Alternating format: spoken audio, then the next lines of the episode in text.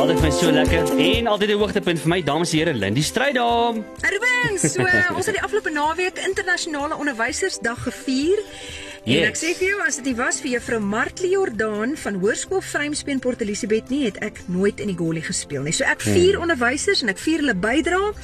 En hierdie storie het my oog gevang nog voor so aan dit uh, toe vanoggend en daar spreek lewe insetsel gebruik het. So miskien hoor jy dit nou vir die tweede keer vandag en dan glo ek nou maar jy's veronderstel om dit vir 'n tweede keer te hoor. My pa was ook sy lewe lank 'n onderwyser en ek het baie keer gesien hoe van sy oud leerdlinge hom jare later iewers raakloop en dan begin hulle altyd met die vraag: "Meneer, onthou meneer vir my?" Nou vanmiddag se storie begin ook so en die ouer man, die onderwyser wat dan vir die jong man sê: "Uh nee, jammer ek onthou jou nie. Wie is jy?"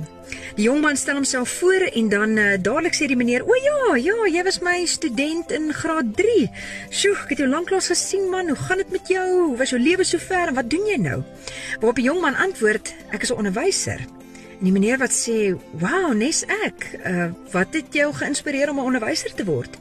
Meneer het Ek het gesien watter impak jy op my lewe gehad het en toe ek besef ek kan ook dit vir ander kinders beteken.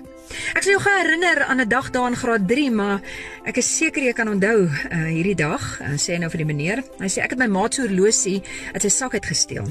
En jy het 'n aankondiging in die klas gemaak dat die persoon wat dit gevat het, die horlosie asseblief moet teruggee, maar ek is te skaam om dit te doen. Toe sluit jy die deur en sê almal moet in die muur gaan staan sodat jy ons sakke kan voel. Ek, ek het net gedink hierdie gaan die skaamste oomblik van my lewe wees. Wow. Maar toe sê jy, al die seuns moet hulle oë toe maak. Jy het van kind tot kind gestap en elkeen se sak gevoel terwyl almal se oë toe was. En toe jy by my gekom en jy die horlosie in my sak gekry het om uitgehaal, maar jy het steeds almal se sakke gevoel met almal se oë wat nog steeds toe was. Hm.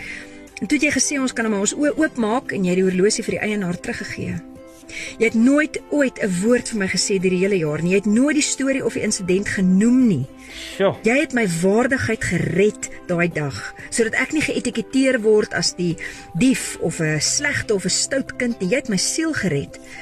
En ek het besef dis wat 'n onderwyser is en dis wat ek my lewe wil doen. Onthou meneer die storie en dat dit ek was wat die horlosie gevat het. En die meneer sê nee, ek um, ek sal nie weet nie. Hy sê maar hoe kan meneer nie weet nie?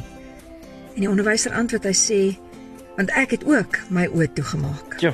Julle, jo, mag ons sulke onderwysers en ouers en leiers wees wat besef om reg of verkeerd te wees is nie al wat tel in die lewe nie, maar hoe ons mense met waardigheid behandel en hoe ons mense laat voel kan iemand se lewe ingrypend verander of bepaal.